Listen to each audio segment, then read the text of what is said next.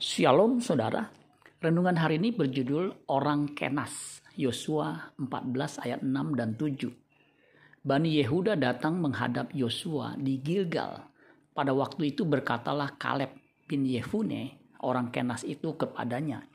Engkau tahu firman yang diucapkan Tuhan kepada Musa, abdi Allah itu, tentang aku dan tentang engkau di Kades Barnea.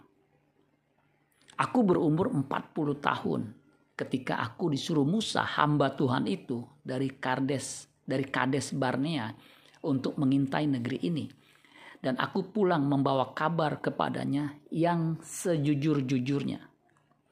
Kaleb sesungguhnya bukanlah orang Israel, melainkan orang Kenas. Kenas artinya perburuan. Orang Kenas adalah keluarga terkemuka Edom, keturunan Elifas, anak tertua Esau. Sebagian dari mereka bergabung dengan suku Yehuda. Kaleb adalah seorang yang jujur. Yosua 14 ayat 7. Dan setia seperti Yosua bin Nun pengganti Musa.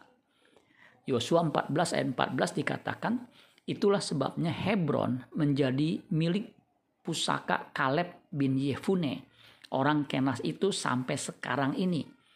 Karena ia tetap mengikuti Tuhan Allah Israel dengan sepenuh hati. Kemudian bilangan 32 ayat 12 dikatakan kecuali Kaleb bin Yefune orang Kenas itu dan Yosua bin Nun sebab keduanya mengikut Tuhan dengan sepenuh hatinya. Orang yang jujur dan setia itu sangat langka. Amsal 20 ayat 6 sampai 7 dikatakan banyak orang menyebut dirinya baik hati.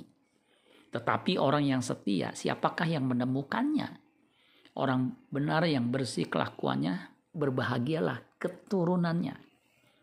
Kaleb terhisap sebagai umat pilihannya karena kesetiaannya mengikuti Elohim Yahweh. Orang percaya yang terhisap menjadi anggota keluarga kerajaan Allah adalah orang yang setia dialah yang akan mendapat mahkota kehidupan. Wahyu 2 ayat 10, jangan takut terhadap apa pun yang harus engkau derita. Sesungguhnya iblis akan melemparkan beberapa orang dari antaramu ke dalam penjara supaya kamu dicobai dan kamu akan beroleh kesusahan selama 10 hari. Hendaklah engkau setia sampai mati dan aku akan mengaruniakan kepadamu mahkota kehidupan. Amin buat firman Tuhan. Tuhan Yesus memberkati. Sola Gracia.